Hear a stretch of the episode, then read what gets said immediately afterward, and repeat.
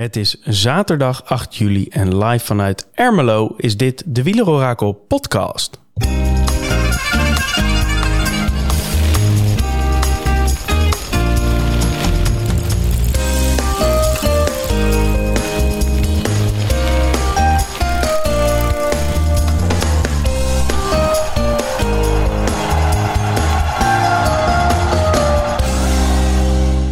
Nog steeds vanuit Ermelo.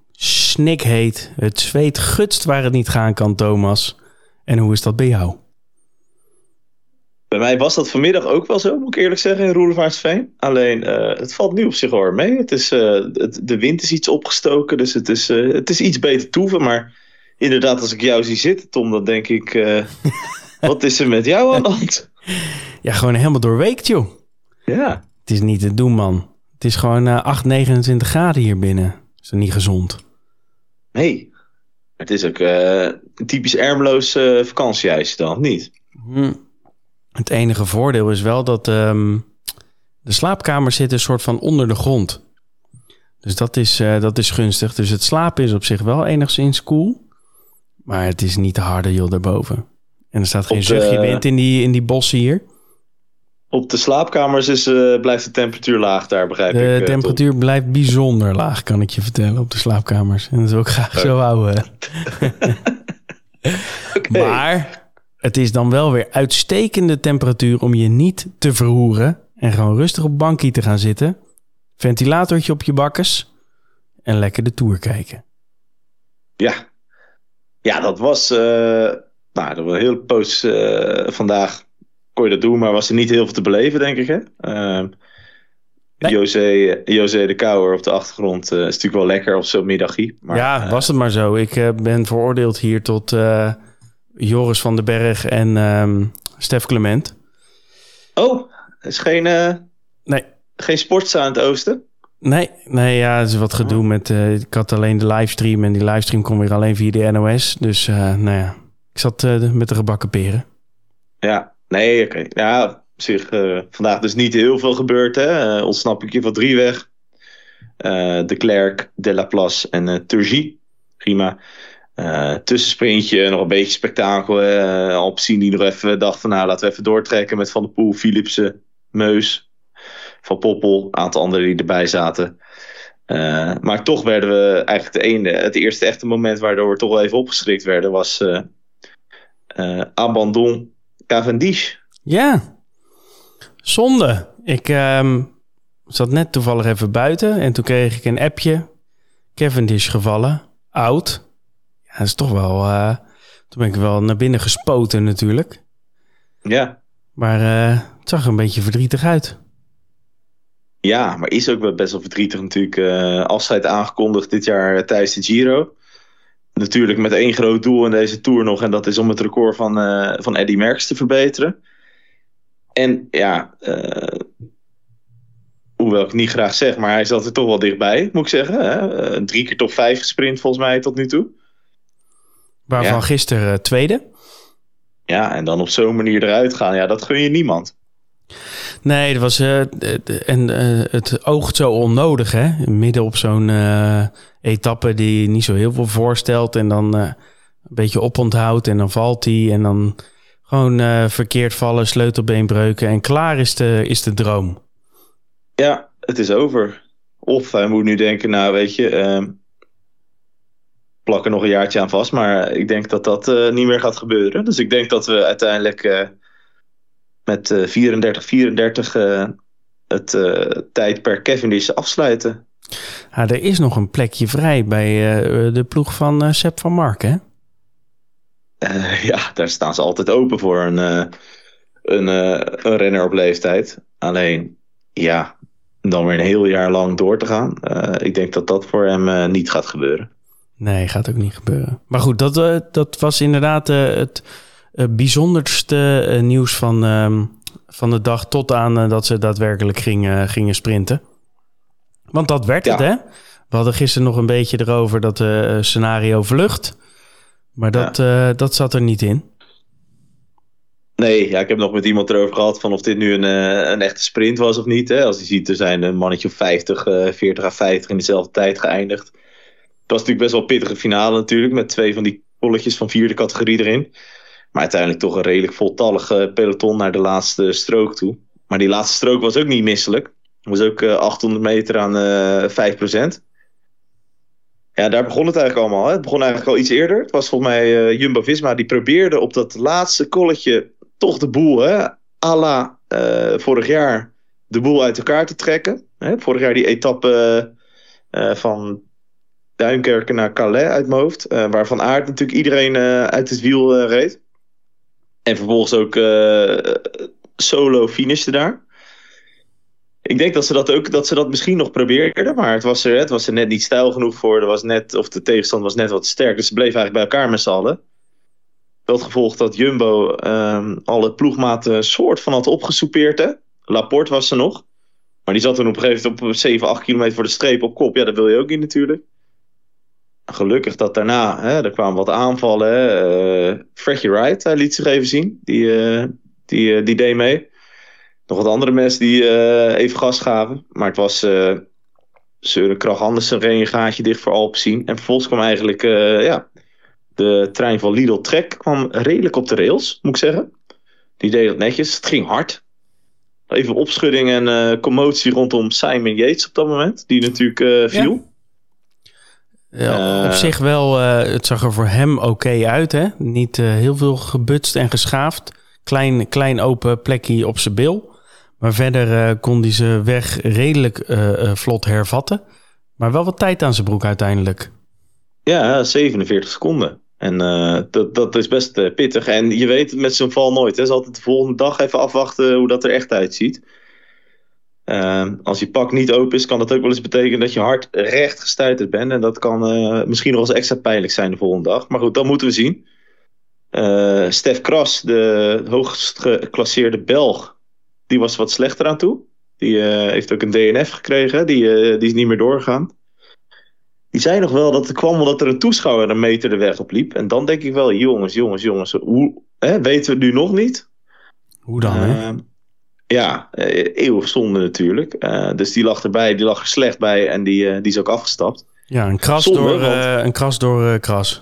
Een kras door kras, zeker. Maar zonde, want leuke renner. Nou, vervolgens hè, krijg je de sprint aanlopen en dan zie je op een gegeven moment... Nou, er, zijn wat, er is wat organisatie van Lidl Trek. Nou, dat is op zich prima. Je zag ook dat Laporte en Van Aert hadden elkaar weer gevonden. En Van der Poel en Philips hadden elkaar weer gevonden. Dus een vrij groot uh, peloton slingerde zich door de laatste kilometers heen. Nou, echt de, de klassieke sprinters als Jacobsen, Meus, uh, Ewan, Christophe, die waren eigenlijk al gelost. Hè? Geen rekening meer mee te houden. Groenewegen, Tja. die reed goed mee. Hè? Die, ging ook heel snel, die ging ook heel snel over dat laatste kolletje heen. Dus uh, je zou bijna denken dat die, dat die wat betere klimmer is geworden. En dat zijn sprintersbenen iets minder zijn geworden. Maar goed om te zien van uh, Dylan. Nou goed, laatste rechte lijn was 800 meter toch pittig omhoog. En wat zag je? Je zag eigenlijk dat, uh, ja, dat het even zoek was van wie gaat deze sprint aantrekken. Nou, op een gegeven moment denk ik op een metertje of, uh, of 500 was het dan toch Laporte die op kop kwam. Die deed een goede beurt. Alleen je zag daarachter zag je al dat Van der Poel zat wat te wachten. En daar ging het dus precies mis voor in mijn ogen de uh, sterkste sprinter van vandaag, uh, Wout van Aert. Op 300 meter van de streep, 250 meter van de streep, was het uh, Pedersen, die, nou dat is natuurlijk wel een beetje een handelsmerk, vroeg in aangaat. Die gaat vrij, vrij vaak vroeg aan in dit soort sprints. Die ging over rechts van Van Aert. Tegelijkertijd had je Van de Poel. En Van de Poel die dacht, ik geef nog even een laatste push voor Philipsen. En die ging links van Van Aert. Voor Van Aert zat Laporte. Dus je had Van Aert zat, zeg maar, Laporte voor hem, Van de Poel links van hem en Pedersen rechts van hem. En Laporte die was kapot. Ja, dus wat, wat gebeurde er? Van Aert kwam gigantisch in de knoop en die kon nergens heen. Dus die moest echt, echt een soort van half remmen of gas terugnemen voordat hij zijn sprint kon lanceren. Nou als er iets is wat je als sprinter niet wil, dan is dat het. Hè? Dus Groenewegen ging mee achter Philips aan. Het was eigenlijk Pedersen die de sprint aantrok. En dan dacht je, tenminste, ik dacht, nou, dat is weer een beetje hetzelfde als gisteren met Cavendish. Philipsen die wacht af. Hè? Op 100, 150 meter komt hij uit het wiel. En die ploft er langs. Die kracht had Philipsen vandaag niet. Dus of het was een hele goede sprint van Pedersen. Of Philipsen voelde zijn benen toch een beetje leeglopen. Hij kwam er niet overheen. En je zag eigenlijk in de laatste 75 meter dat Van Aert nog heel dichtbij kwam. Ik denk als de finish 50 meter verder had gelegen, had Van Aert hem nog gewonnen. Terwijl hij echt serieus, denk ik, 10 meter heeft ingeleverd uh, bij dat uh, moment waar ik het net over had. Maar nou wat een, wat een sprint ook hè, van die, van die Pedersen toch? Ja, echt, ja, zeker. Echt krachtsprinten. Echte krachtsprint en ook echt niet verwacht gezien ze eerdere optredens deze Tour. Want die waren ronduit matig te noemen. Uh, maar ja, moet, ja, het is altijd goed voor elkaar bij, bij Lidl trekken. Uh, Stuyven deed een goede beurt. En uh, Pedersen kon zijn sprint beginnen. En ja, denk dat Van Aert zich een beetje laat foppen. Want wat ik zei, ik denk dat Van Aert echt de beste, de, de snelste was vandaag. Maar ja, bij sprint is het ook altijd kijken, ga je op het goede moment aan. En, en kom je op het juiste moment op je topsnelheid. Nou, dat was bij Van Aert natuurlijk duidelijk niet zo. Weer net niet voor Van Aert dus, Thomas, kunnen we optekenen. Ja, nee, zeker. Nee, ik ik uh, moet heel eerlijk zeggen, ik heb nog geen interviews gelezen. Maar ik denk dat hij zich nu al redelijk zal berusten. Want het is wel gewoon ja, hoe een sprint kan lopen. Maar ik denk als hij terugkijkt en hij ziet hoe dicht hij nog komt, hè, dat hij zich wel nog een keer voor de kop slaat van ja, zonde, had ik niet eerder moeten aangaan. Nee, dat denk ik ook. Hey, uitslag: Pedersen 1, Philipsen dan 2 op dit uh, toch wel iets lastigere parcours. Twee mannen die dat ook wel echt kunnen. Van Aert op 3. Groenewegen is wat mij betreft wel echt een verrassing op, uh, op plek 4. Heel, heel netjes dat hij er nog bij zit. En jammer dat hij het dan in ieder geval niet kan afmaken. Eekhoff ook wel een verrassing op 5. Blijft ook wel een, een jongen met een rappe sprint. Die dat niet heel vaak doet. Uh, op 6 heel steady deze, deze tour. De buist uh, ligt verrassend wel. Gevallen in het begin van de tour en krabbelt langzaam maar zeker omhoog. En wordt nu zevende, de lead-out van Ewan. Tiller op 8, Corbin Strong op 9 en Pogacar op 10. Die ook nog wel een beetje meesprinten, maar dan wel echt moet afleggen tegen de echte snelle mannen. Um, ja, hebben we verder nog wat bijzonders vandaag? Niet heel erg, hè? Nee, ja, Yates verliest wat tijd. Voor de rest verliest er geen één uh, iemand uit het uh, klassement tijd. Er zitten wat sprinters bij. Weet je, Sagan pakt nog een top 20 mee. Nou ja, uh, dat is leuk voor hem, maar het is niet meer wat het geweest is. Dus ik denk dat dit wel een beetje, dat dit het een beetje is. Hè? Het, het, geeft de verhoudingen denk ik goed weer. En ja, verder wat ik zeg, ik denk dat heel veel klassementsmannen vandaag dachten van, vandaag wel met, met een heel belangrijk deel van hun gedachten bij de, bij de rit van morgen zaten. Precies. Want morgen hebben we de, de laatste etappe van week 1. Dat is op de zondag naar de fameuze legendarische Puy de Dôme. En dan gaan we op maandag gaan we rusten. Dus ik zeg vooruitblikken maar op die, uh, op die etappe van morgen. Hoe ziet dat parcours er precies uit? Dat parcours ziet er op zich uh, redelijk uh, goed te doen uit. Het ziet eruit als eigenlijk een soort van uh, overgangsrit met wat bergjes van vierde van derde categorie. Alleen ze hebben bedacht van nou laten we dan de Puy de Dôme er maar eens in doen. En daarmee is het echt een, een rit voor de klimmers geworden. Een rit voor de klassementsmannen. Morgen een rit over 182 kilometer van Saint-Léonard de Noblat naar de Puy de Dôme dat is een heel poos geleden dat ze, dat ze op de Puy de Dôme zijn uh, gefinished. Dat is ook een weg die normaliter gewoon uh, dicht is voor uh, de mensen. 35 jaar geleden finishten ze daar nog eens. Nou Tom, dan hebben wij de, die finish niet meegemaakt, durf ik te zeggen. Zeker niet. dus, en, en zo met ons velen, denk ik. En dat betekent dat het wel iets is waar ik persoonlijk me in ieder geval erg op verheug. Maar goed, hè, voor die tijd hebben ze nog 182 kilometer af te leggen. Het begint redelijk vlak en dan is er vervolgens een heuveltje naar een tussensprint. Dat is altijd wel geinig hè, hoe ze dat doen. Er is een tussensprint naar 30 kilometer en daar, ja, dat ligt naar een ongecategoriseerde heuvel. Dat is waarschijnlijk ook het punt waarop uh, de vlucht van de dag zal ontstaan. Waarschijnlijk met een paar mensen die, uh, die punten willen pakken voor die tussensprint. En een paar mensen die denken, hey, misschien kunnen we hier nog wat presteren in deze rit. Verder kenmerkt de rit zich door wat wat op- en afwerken. Er zit een kolletje van vierde categorie in, 2 kilometer aan 5%. Er zit er nog eentje van vierde categorie, 2 kilometer aan 4,5%. En er zit een kolletje van derde categorie, 3,3 kilometer aan 5,3%. Is eigenlijk kinderspel. Wat we vervolgens krijgen is dat we op 150 kilometer van de meet zijn we op de Col de la Nugère. Dat is een ongecategoriseerde beklimming. Uh, die rijden we op en vervolgens gaan we in ziedende vaart naar beneden, naar de voet van de Puy de Dôme. En daar gaat het morgen allemaal gebeuren. De Puy de Dôme is 13,3 kilometer aan 7,7 procent, een beklimming van buitencategorie. Nu denk je, 13,3 kilometer aan 7,7 procent, wow, dat is misschien wel prima te doen, hè? Ja. Als je dat proef... Toch? Nee, uh, dat... dat, dat is daar, daar kan je... niveau, hè? Ja, zoiets. Uh, dat, daar zou je het inderdaad goed mee kunnen vergelijken. Uh, 8% denk je van, nou ja, weet je, even kijken wie wie losgereden krijgt. Als je kijkt naar het profiel van de Puy de Dôme, de vulkaan, dan is dat wel even andere koek. Puy de Dôme bestaat eigenlijk uit drie delen. Je hebt eigenlijk de eerste 5 kilometer, die zijn dikke 7% gemiddeld. Dus dat is lekker intrappen voor de klassementsman onder ons. Het goed te doen, maar nog niemand die daar de demarage zal plaatsen. Dan heb vervolgens heb je 4 kilometer aan gemiddeld 3 à 4 procent. Er zitten zelfs stukjes vals plat in. Stelt allemaal niet, zo niet, niet al te veel voor. Maar dan gaat het echt beginnen. De laatste 5 kilometer van de Puy de Dôme, Puy de Dôme gaan gemiddeld aan 11,1 procent. Hm. Ja, en dan, dat is wel even andere koek, uh, Tom. Uh, ze slingeren zich omhoog naar de, naar de vulkaan. En de, kilometer, de percentages per kilometer zijn als volgt. 11,5%, 11,4%, 12,2%, 11,5% en de laatste 300 meter gaan nog even aan 12,1% omhoog. Nou, dat eh, geeft wel behoorlijke Col de Marie Blanc vibes hier zo. Uh, best wel steile wanden die ze moeten beklimmen. En daar gaan echt een aantal verschillen gemaakt worden in het klassement. Daar durf ik wel wat op te zetten.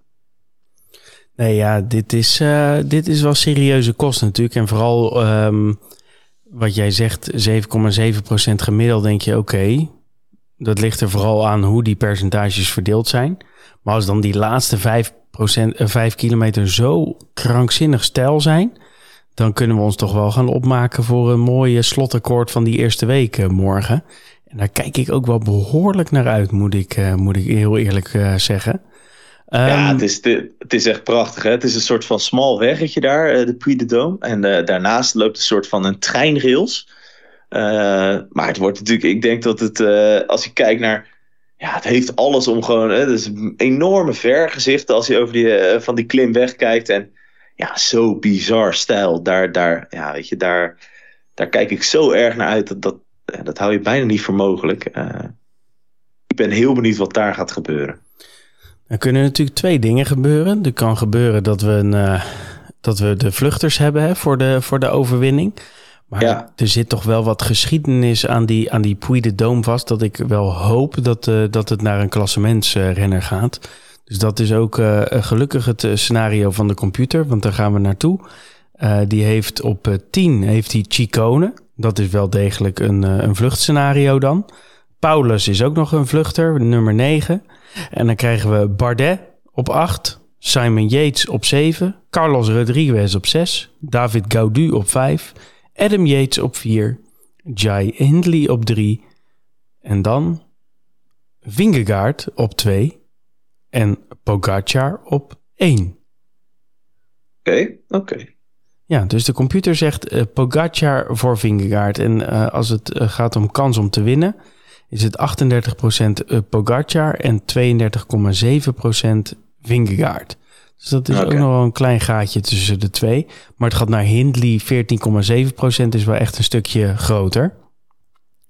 Ja, maar ik denk, weet je, als ze daar met de klassementsrenners aan de voet uh, verschijnen, dan durf ik uh, bijna wel te zeggen dat de kans dat iemand anders dan uh, uh, Pogacar Vingegaard wint, dat die veel minder dan 14% is. Ja, maar het wordt uh, in, in twee opzichten wordt het heel interessant morgen. Oké, wie neemt het initiatief hè, in, de, in de achtervolging? Ja. Is dat gewoon Jumbo omdat ze het geel hebben? Of is dat uh, UAE omdat ze een beetje uh, spierballen willen laten zien en nou ja, het vertrouwen daarmee in Pogacar uitspreken? Kan. En natuurlijk de, de showdown op de Puy de Dome zelf. Uh, want uh, of er nou vluchters voorrijden of niet, er komt een showdown. En, ja. en wie is dan uh, de beste? Want het, is, het was een duidelijke 1-0 voor Vingegaard, om het zo maar te zeggen. En Ja. Pogacar die kwam toch even eh, heel slinks om het hoekje met een, met een goede, goede klap op de kaak. En het was wel degelijk 1-1. Dus wie, eh, wie, wie, wie maakt die 2-1? Dat is morgen natuurlijk wel de grote vraag. Ja, dat, dat is eh, precies hetgeen waar het, morgen om, eh, waar het morgen om draait. En ja, eh, lastig. Zelf denk ik, maar we komen straks nog bij de voorspellingen. Dat dit de klim is waar, waar Jumbo in ieder geval met Vingegaard een verschil wilde maken ten opzichte van Pogacar. Omdat die percentages, hè, ruim boven de 10%, ja, daar heb je simpelweg gewoon als Vingegaard, heb je daar je gewicht mee ten opzichte van Pogacar. Eh, de klim gaat niet naar een enorme hoogte. Dat is dan weer het nadeel van Vingegaard. En de klim is niet enorm lang. Dat is ook weer het nadeel van Vingegaard. En er zit niet verschrikkelijk veel zwaar klimwerk ervoor. Dat is ook Nee. in het nadeel van Vingegaard. Dat klopt. Dat, eh, daar heb je helemaal gelijk in. En eh, ja, dan is de vraag hoe hard kan die koers gemaakt worden? Want eh, dat is natuurlijk ook de vraag. Hè? Hoe hard ga je op kop, zeg maar? Dus eigenlijk kunnen we hiermee stellen dat Jumbo in principe de koers zo hard mogelijk zou moeten maken morgen. Ja, maar goed, het parcours Leens is ook niet enorm ingewikkeld. Dus dat blijft, dat is misschien wat lastig. Ehm, ik denk wel dat ze hier willen uitpakken. En persoonlijk hoop ik ook van harte dat dit een strijd der eh klassementsmannen wordt. Want wat we bij de Giro wel eens eh, zien, hè, is dat er altijd die vluchtgroepen vooruit blijven. Ja, eh, het is heel leuk voor die vluchter. Hè, daar kunnen we een mooi verhaal erover schrijven. Maar ja, dit soort etappes, eh, ik weet niet hoe jij dat ziet hoor, maar ik hoop hier dat hier altijd echt wel even de showdown van de klassementsmannen gewoon voor de etappe en eh, dat, dat we niet die strijd op twee fronten eh, krijgen. 100%. Ik vind die vluchters vind ik op zich altijd prima in die heuveletappes en zelfs ook op een, eh, op een vluchtrit iets verderop in zo'n grote ronde kan ik echt wel van genieten. Als ze dan met een mooie vluchtersgroep een beetje om en om demereren en het bordje van de ander leeg eten, een beetje gokken, kan ik echt wel van genieten. Maar de Puy de Dôme, daar moet gewoon een topper winnen. En eh, dat hoop ik dat we dat, eh, dat we dat morgen ook gaan zien. Nu ben ik natuurlijk heel benieuwd wat we, wat we straks voor jou mogen invullen. Nog wel heel even de tussenstand opmeten als je dat niet heel erg vindt, Thomas. Ja, Want, moet eh, dat of kunnen we gewoon nou, door naar de voorspellingen? Laten we het toch maar even doen. Eh. Computer van Aert VDP Pedersen. Netjes, netjes, computer. Eh, jij van Aert Kort Nielsen van der Poel. En ik VDP van Aert Philipsen. Philipsen was een beetje tactische keuze voor mij, maar die pakt wel aardig uit. Ehm, twee puntjes voor de computer erbij. Ja. Twee puntjes Mooi. voor mij erbij. Eén puntje voor jou erbij, Thomas. Brengt de tussenstand op 17, 17 en 13 voor jou. Matig, matig. We gaan door. Maar Tour is nog lang hè? Parijs is nog ver. Ja, Tour is nog lang. Parijs is nog ver. Ik hoor het elke avond. Etappe 9. Computer. Vullen we in. Pogacar, Vingegaard en Hindley. Zeg het maar. Ja. Nou, je hebt het misschien al een beetje gehoord in mijn eh, betoog van zojuist. Ehm, ik zet mijn geld, eh, mijn spreekwoordelijke geld op eh Vingegaard morgen. Dus Vingegaard 1, Pogacar 2. En op de derde plaats, eh, ja, het is maar één klim vandaag. Of tenminste, het is maar één klim morgen. Eén echte klim. En voor mij is de derde klimmer deze Tour tot nu toe Sepp Koes. Dus dat is misschien een eh, gokje. Maar ik zet Sepp Koes op 3. Ja, wel een leuke keuze. Koes is wel ongelooflijk goed weer deze, deze Tour. Ehm, ja, ik ga voor toch Pogacar. Ehm, en dan met name omdat er inderdaad niet extreem veel daarvoor geklommen wordt. En hij toch de meest explosief is van de, van de twee. En ja.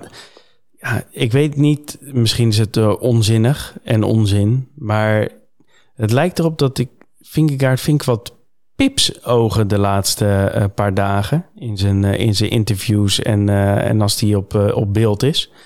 En hij zag hem vandaag ook weer rijden in die finale. En hij zit wel serieus uh, à blok dan. Als hij uh, in tweede, derde positie zit om zijn positie veilig te stellen. Ik weet niet of het, uh, of het iets is wat ik alleen denk te zien. Of dat het echt zo is. Maar ik weet het even niet of uh, Vingegaard wel helemaal lekker in zijn vel zit. Heb jij een beetje uh, Evenepoel-vibes uit de Giro? Ja, wat dat betreft zijn ze natuurlijk wel onvergelijkbaar. Maar ik weet het gewoon niet zo goed uh, of die wel helemaal in zijn in sas zit.